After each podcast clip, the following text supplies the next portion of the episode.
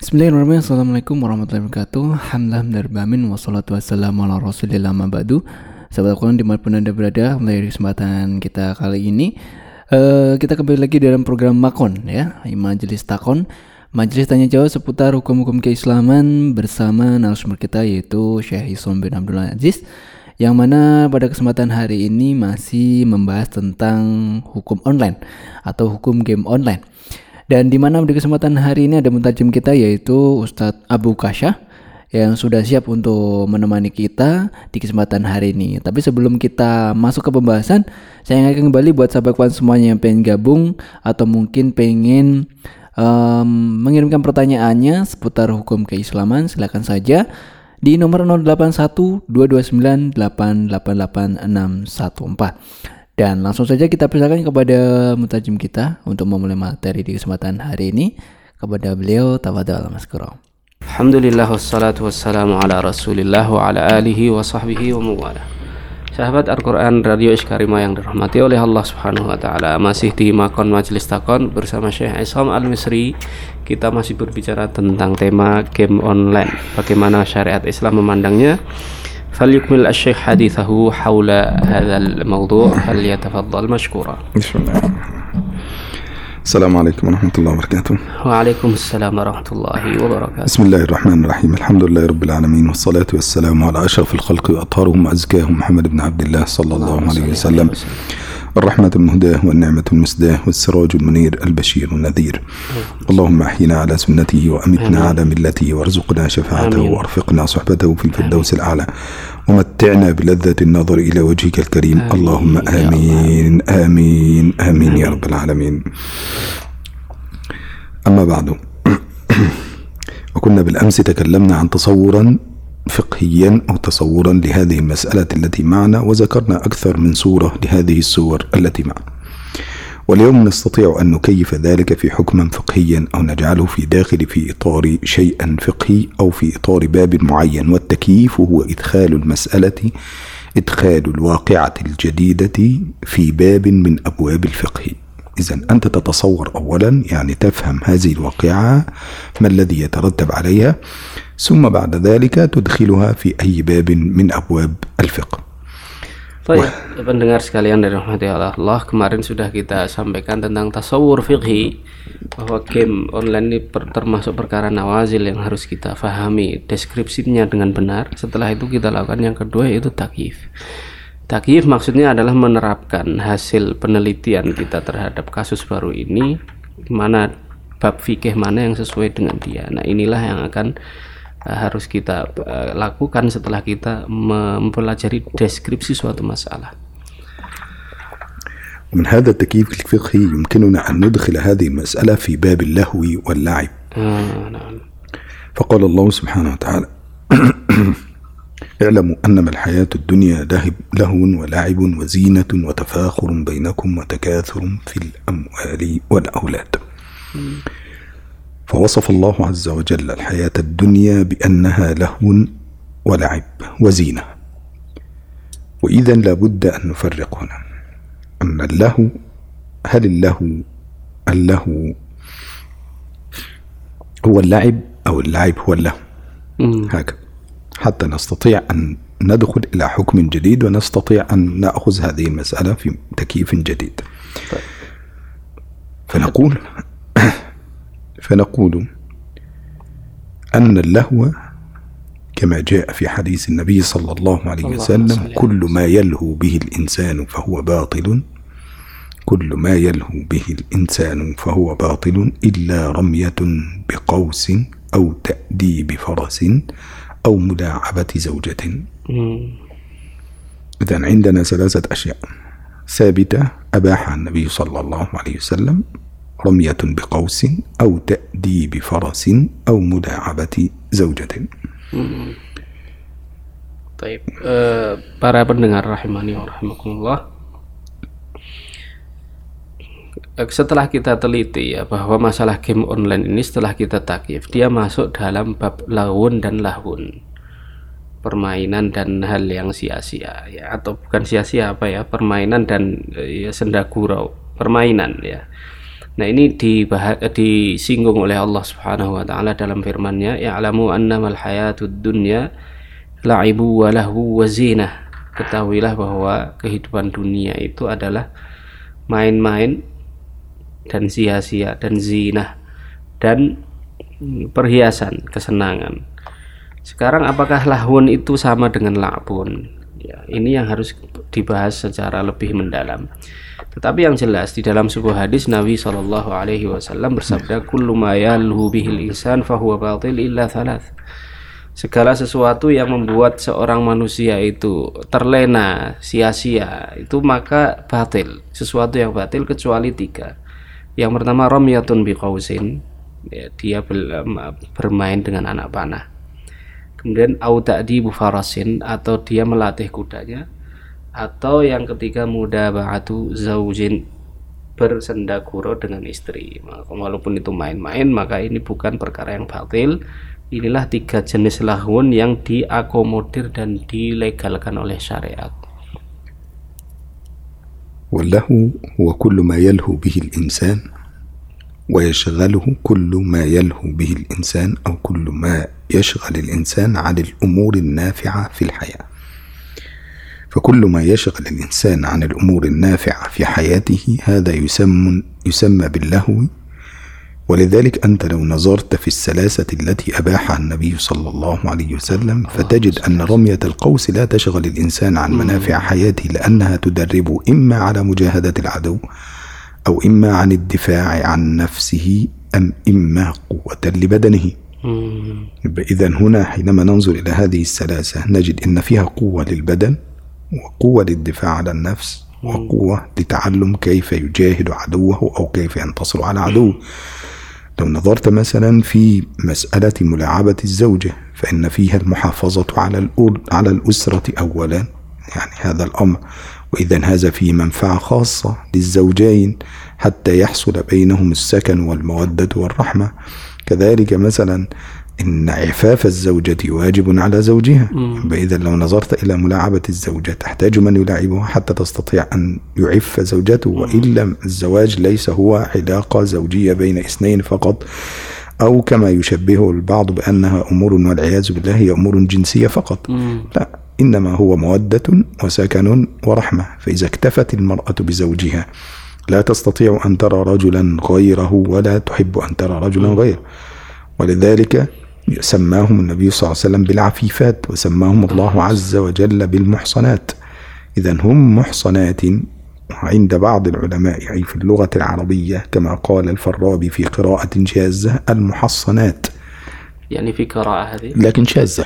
يعني غير معمول بها في القراءات محصنات. آه محصنات. يعني حينما نقول هكذا يبقى إذا عندنا محصنات هكذا وحينما ننظر إلى مثل هذه الأشياء نجد هذا أمر كذلك أيضا مثلا في تأديب الفرس. يعني حينما يأتي مثلا إلى تأديب الفرس فهو من باب تهذيب الدابة التي سيركبها حتى تسهل عليه أمور حياته.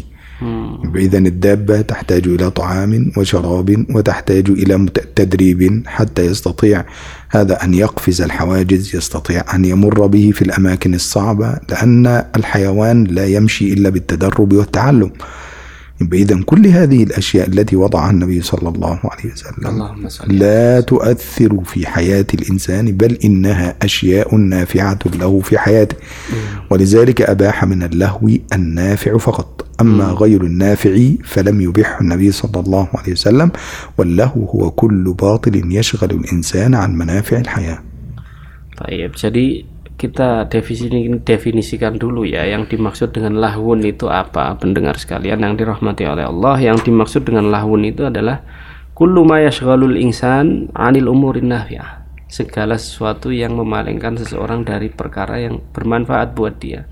Kalau kita teliti tiga perkara yang dibolehkan oleh Nabi Shallallahu Alaihi Wasallam permainan yang dibolehkan tadi ya. Yang pertama adalah uh, romyatun biqaus itu kita lihat dia bukan nir manfaat ya, bukan kosong dari manfaat, tapi ada manfaatnya. Ya, melempar apa belajar anak panah misalnya. Satu dia bermanfaat karena dia berguna untuk berjihad melawan musuh-musuh Allah. Yang kedua dia juga ber, berguna untuk ad-difa' nafs bela diri. Yang ketiga dia juga untuk olahraga menyehatkan badan. Itu kalau memanah. Kalau bersenda gurau dengan istri itu juga banyak manfaatnya. Pertama adalah hifdzul usrah, menjaga keharmonisan atau keberlangsungan rumah tangga.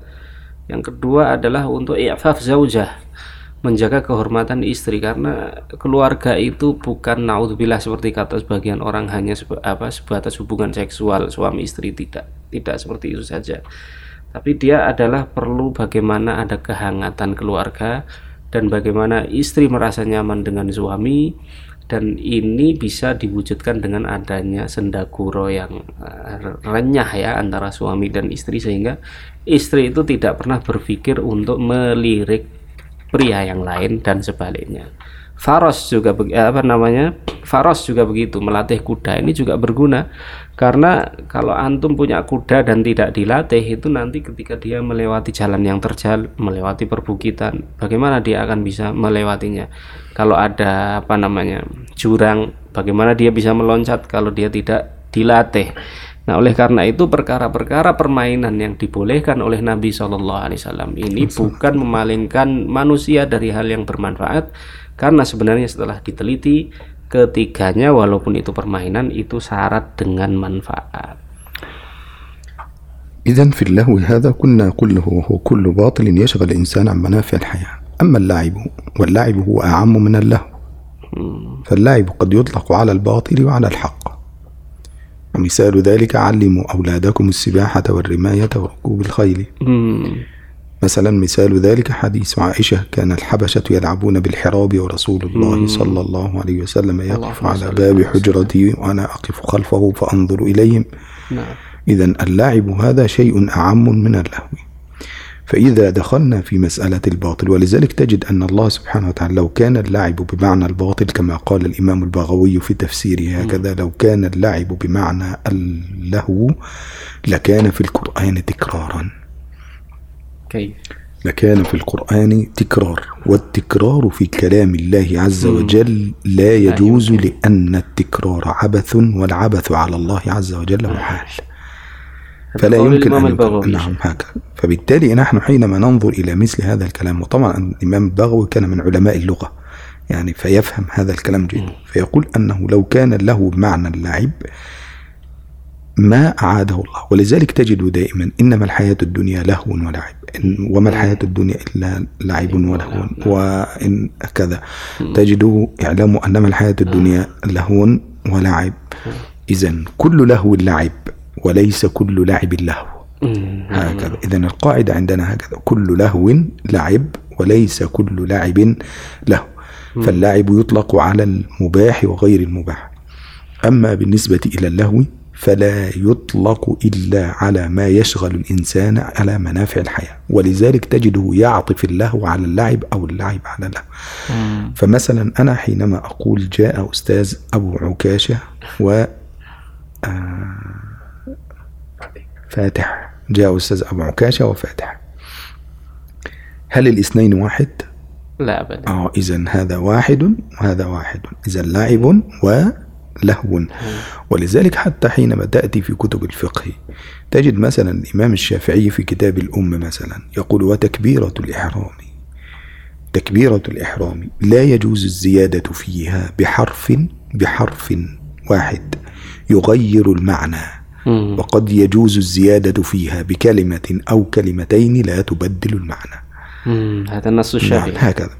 في في كتابه الأم. وحتى لو ذهبت إلى مثلا كتاب النور الوهاج في شرح المنهاج أو في المنهاج للنووي أو في المجموع على شرح المهذب أو المهذب للشرازي ستجده يقول ولا يجوز ولا يجوز تكبيرة الإحرام بزيادة حرف يخل بالمعنى. مثال مم. ذلك أن تقول الله وأكبر. الله وأكبر. آه الله وأكبر. هكذا. مم. كما يقول بعض الناس هكذا فيقول الله أكبر وأكبر. مم. هكذا. الواو هنا جعلت أن الله إله وأكبر اسما وليس صفة فبالتالي أصبح للكون إلهين فهذا لا يجوز مطلقا. لكن يجوز أن يقول مثلا عند الشافعي بزيادة كلمة من صفة من صفات الجلال مثلا فيجوز أن يقول الله الأكبر الأعظم في تكبيرة الإحرام. يجوز أن يقول في تكبيرة الإحرام الله الأعز الأجل الأكبر. يجوز أن يقول الله أكبر وأجل. كل هذا يجوز عند الإمام الشافعي لأن هذا لا يخل بالمعنى. وبالتالي نحن نظرنا هنا إلى حرف الواو الذي يفرق بين هذا وبين هذا لأن عندنا العطف في اللغة العربية يفيد المغايرة. يفيد المغايرة آه يعني أن الشيء الأول غير الشيء الإيه؟ غير الشيء الثاني. الثاني. وبناء على ذلك قال البغوي أن كل لهو لعب وليس كل لعب لهو لأن بينهما عموم وخصوص Hmm, nah, nah. Ikhwan sekalian rahimani wa rahimakumullah. Masya Allah ini eh, faedah mufidah jiddan ya, terutama bagi antum yang suka mendalami tafsir dan bahasa. Jadi apakah sekarang tadi lahun sudah kita bahas, yaitu semua yang menyibukkan seseorang dari sesuatu yang bermanfaat bagi dia. Sekarang laib, laib itu kalau di Indonesia kan permainan. Apakah itu sama dengan lahun, sesuatu yang sia-sia? Syekh menerangkan bahwa laib itu secara bahasa itu lebih umum daripada lahun. Laib itu bisa dikonotasikan sebagai sesuatu yang batil maupun yang benar. Ya, misalnya perintah Umar bin Khattab agar mengajari anak-anak untuk bermain renang ya. Kemudian Sayyidah Aisyah radhiyallahu taala anha itu juga bercerita pernah melihat permainan orang-orang Habasyah dengan tombaknya di masjid dan ini ada dalam sahihain. Maka dari sini dapat disimpulkan bahwa laib ya itu beda dengan lahwun ya. Setiap lahwun itu pasti laib tapi tidak semua laib itu lahwun ya. Nah, Imam Al-Baghawi di sini memberikan faedah yang cukup em, bermanfaat ya. Beliau mengatakan bahwa kalau laib itu kita maknai sama dengan lahun, berarti nanti di dalam Quran itu terjadi tikror, pengulangan lafat yang tidak diperlukan. Allah Ta'ala berfirman, Innamal hayatud dunya la'ibun wa lahwun. Sesungguhnya kehidupan dunia itu laib dan lahun. Kalau kedua maknanya sama berarti di dalam Al-Quran terjadi pengulangan yang tidak perlu. Dan kalam Allah Subhanahu wa Ta'ala itu maha suci ya dibebaskan dari perkara-perkara yang tidak perlu. Mustahil dalam kalam Allah yang maha agung itu ada perkara-perkara yang terulang dan tidak diperlukan. Nah oleh karena itu ini sebagai bab faedah tambahan ya. Imam Syafi'i dalam kitab Al-Um maupun ya fuqaha Syafi'iyah seperti dalam kitab Al-Minhaj dan lain-lain itu ketika mereka membahas masalah takbir ya takbiratul ihram itu mereka menyatakan tidak boleh menambahkan dalam lafaz takbiratul ihram huruf-huruf yang dia itu yufidu al mughayarah ya misalnya seseorang mengatakan Allahu wa akbar. Nah ini kalau seperti ini eh, secara tidak sengaja ya ataupun sengaja apalagi ini tidak boleh. Kenapa? Karena nanti akan dapat difahami bahwa Allah itu lain dengan akbar. Berarti di alam semesta ini ada dua ilah tapi kalau kita menambahkan lafat-lafat yang itu tidak menunjukkan sesuatu yang berbeda, misalnya menambahkan sifat ya, misalnya Allahu Akbarul A'zam misalnya, atau Allahu Akbar wa Ajal misalnya, maka yakni Allah Maha Besar dan Maha Agung dan Maha Mulia, maka ini malah diperbolehkan. Kenapa? Karena tidak terjadi mughayarah atau perbedaan makna. Nah, ini termasuk eh, faedah lughawiyah yang saya kira sangat bermanfaat terutama bagi antum yang suka mendalami tafsir intinya bahwa laib itu buka, tidak sama dengan lahun nah ومن هنا نستطيع أن نقول أن اللعب على هذا الأمر بينهما عموم وخصوص أما بالنسبة إلى اللعب فيمكن أن نقسمه إلى ثلاثة أقسام nah لعب محرم وهذا الذي يسمى باللهو hmm, ولعب فيه منفعة. fihi manfaat وهذا الذي يسمى باللعب المباح أو الجائز يسمى باللعب الجائز هكذا. وهناك لعب توقف فيه الذي توقف الحكم فيه حتى ينظر في شكله هل هو مباح أو غير مباح لأنه لم يرد به نصا في حديث النبي صلى الله عليه وسلم. salli ala فنأخذ القسم الأول.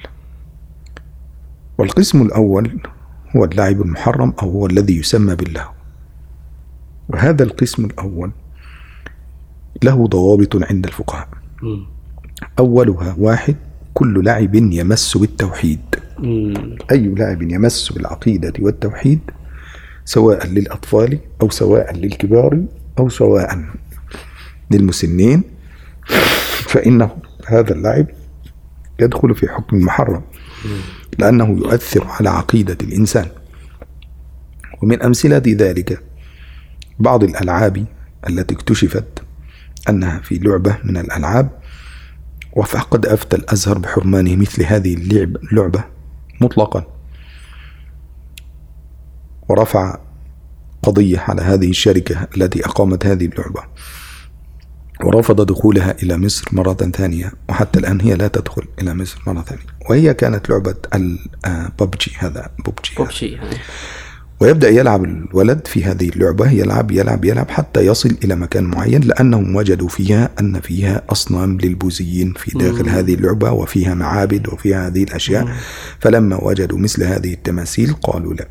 ولذلك تم تبديل مثل هذا الأمر في مصر تبديل قالوا الصين تعرض أن تبدل هذه الأشياء حتى أنهم في بعض الألعاب جاءوا فيها بمصحف ويشترط فيها أن يقفز من فوق المصحف. الله أكبر. ولا بد. أن نركز على هذا الأمر الخطير لأن ممكن الواحد يقول هذه لعبة وهو لم يقفز وليس حقيقة ولكن كذا ولكن هذا من باب تدمير العقيدة عند الإنسان. قد يكفر يا شيخنا. من فعل هذا فقد كفر. حتى ولو كان ذلك على سبيل اللعبة. لأن ذلك من باب المعظم شرعا. قال الإمام مالك ولا يجوز الحلف بغير الله سبحانه وتعالى إلا في المعظم شرعا فقط. فالكعبة يحلف بها عند مالك فيقول والكعبة. لماذا؟ لأنه لم يقصد الكعبة قال لم يقصد الكعبة لذاتها ولكن هنا كلام مقدر وهو ورب الكعبة. ولتعظيمها لأنها بيت الله فكأنه يقول بحق بيت الله أنا كذا. نعم.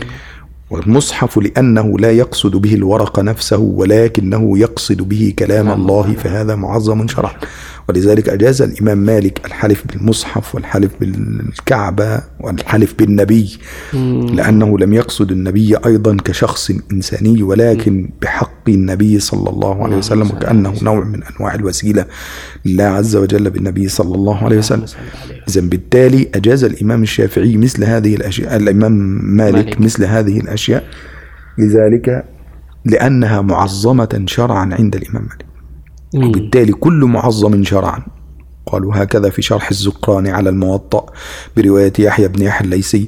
قالوا أن كل معظم شرعا كل معظم شرعا أدى فيه أو تطاول عليه الإنسان كل معظم شرعا تطاول عليه الإنسان بأداة أو بآلة أو بلسان فقد دخل في دائرة الكفر ما شاء الله نسأل الله. يتطاول عليه بلسان بآلة يعني مثلا لو واحد جاء مثلا يريد أن يهدم الكعبة مم. يحكم عليه بالكفر مباشرة لو جاء واحد مثلا هذه بالآلة لو جاء واحد يتطاول على بيت الله الحرام مثلا أو على المصحف باللسان فقط آه، خلاص دخل في هذه الدائرة.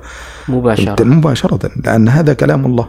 الإعتداء على مثل هذه نعم. الأشياء اعتداء على صاحبها.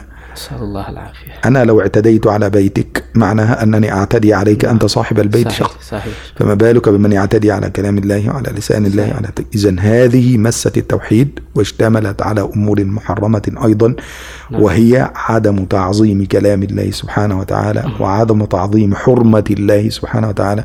وبالتالي إذا دخلت هذه اللعبة أو دخلت هذه الأشياء في هذه اللعبة فلا بد من أن تقف ولذلك أخذ الأزهر هنا موقفا شديدا في هذا الوقت وكان هذا الكلام في سنة 2018 مم. وأخذ موقفا شديدا من هذه اللعبة حتى أوقفها في مصر وإلى الآن ما زالت الصين تحاول تبديل مثل هذا الأمر حتى تستطيع أن تدخله مرة ثانية إلى مصر لكن ما زال الأمر لم يسمح به آه، قانونا Baik, eh, masya Allah ya. Ayuhal ikhwah rahimani wa rahimakumullah. Jadi yang berikutnya setelah kita paham tadi perbedaan laib dan lahu, maka laib ini dibagi menjadi tiga.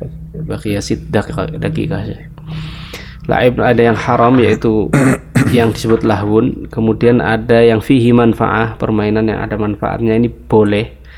Kemudian yang ketiga tuqifa fihi. Ya perlu diteliti dulu apa boleh atau tidak. Nah, sekarang kita bahas yang pertama. Yang pertama tentang permainan yang haram atau kata lainnya lahun Nah, ini para ulama menyebutkan ada kriteria-kriteria tertentu yang kalau kriteria ini ada pada suatu permainan maka dia menjadi haram. Yang pertama adalah kalau permainan itu ya masubit tauhid atau biaqidatil muslim mengganggu tauhid atau akidah seorang muslim. Misalnya di Mesir ya, sejak tahun 2018 Al-Azhar Al-Azhar Asy-Syarif dengan tegas menyatakan dan disetujui oleh pemerintah Mesir bahwa game apa PUBG PUBG itu diharamkan ya.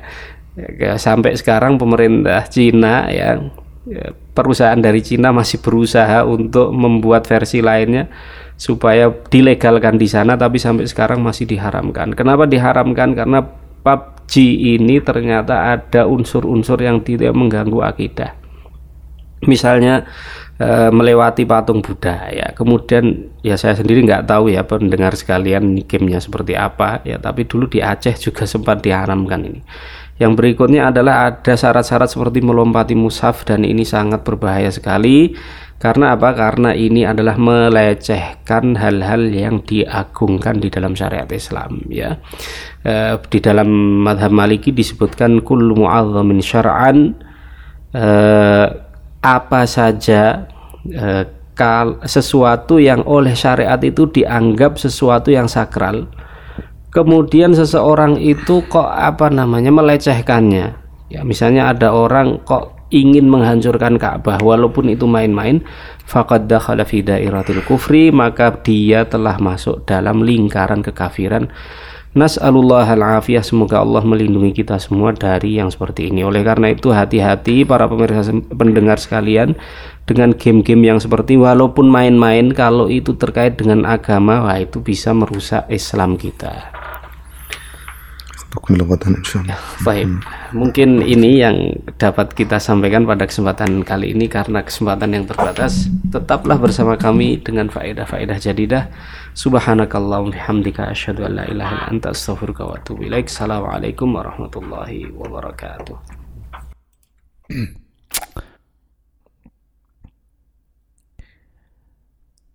Waalaikumsalam warahmatullahi wabarakatuh. Syukron jazakumullah khair kepada Ustaz Abu dan juga Syekh Isom bin Abdul Aziz yang mana di kesempatan hari ini masih belum selesai juga masih mm, membahas tentang hukum game online. Dan insya Allah kita akan lanjutkan lagi di sesi berikutnya.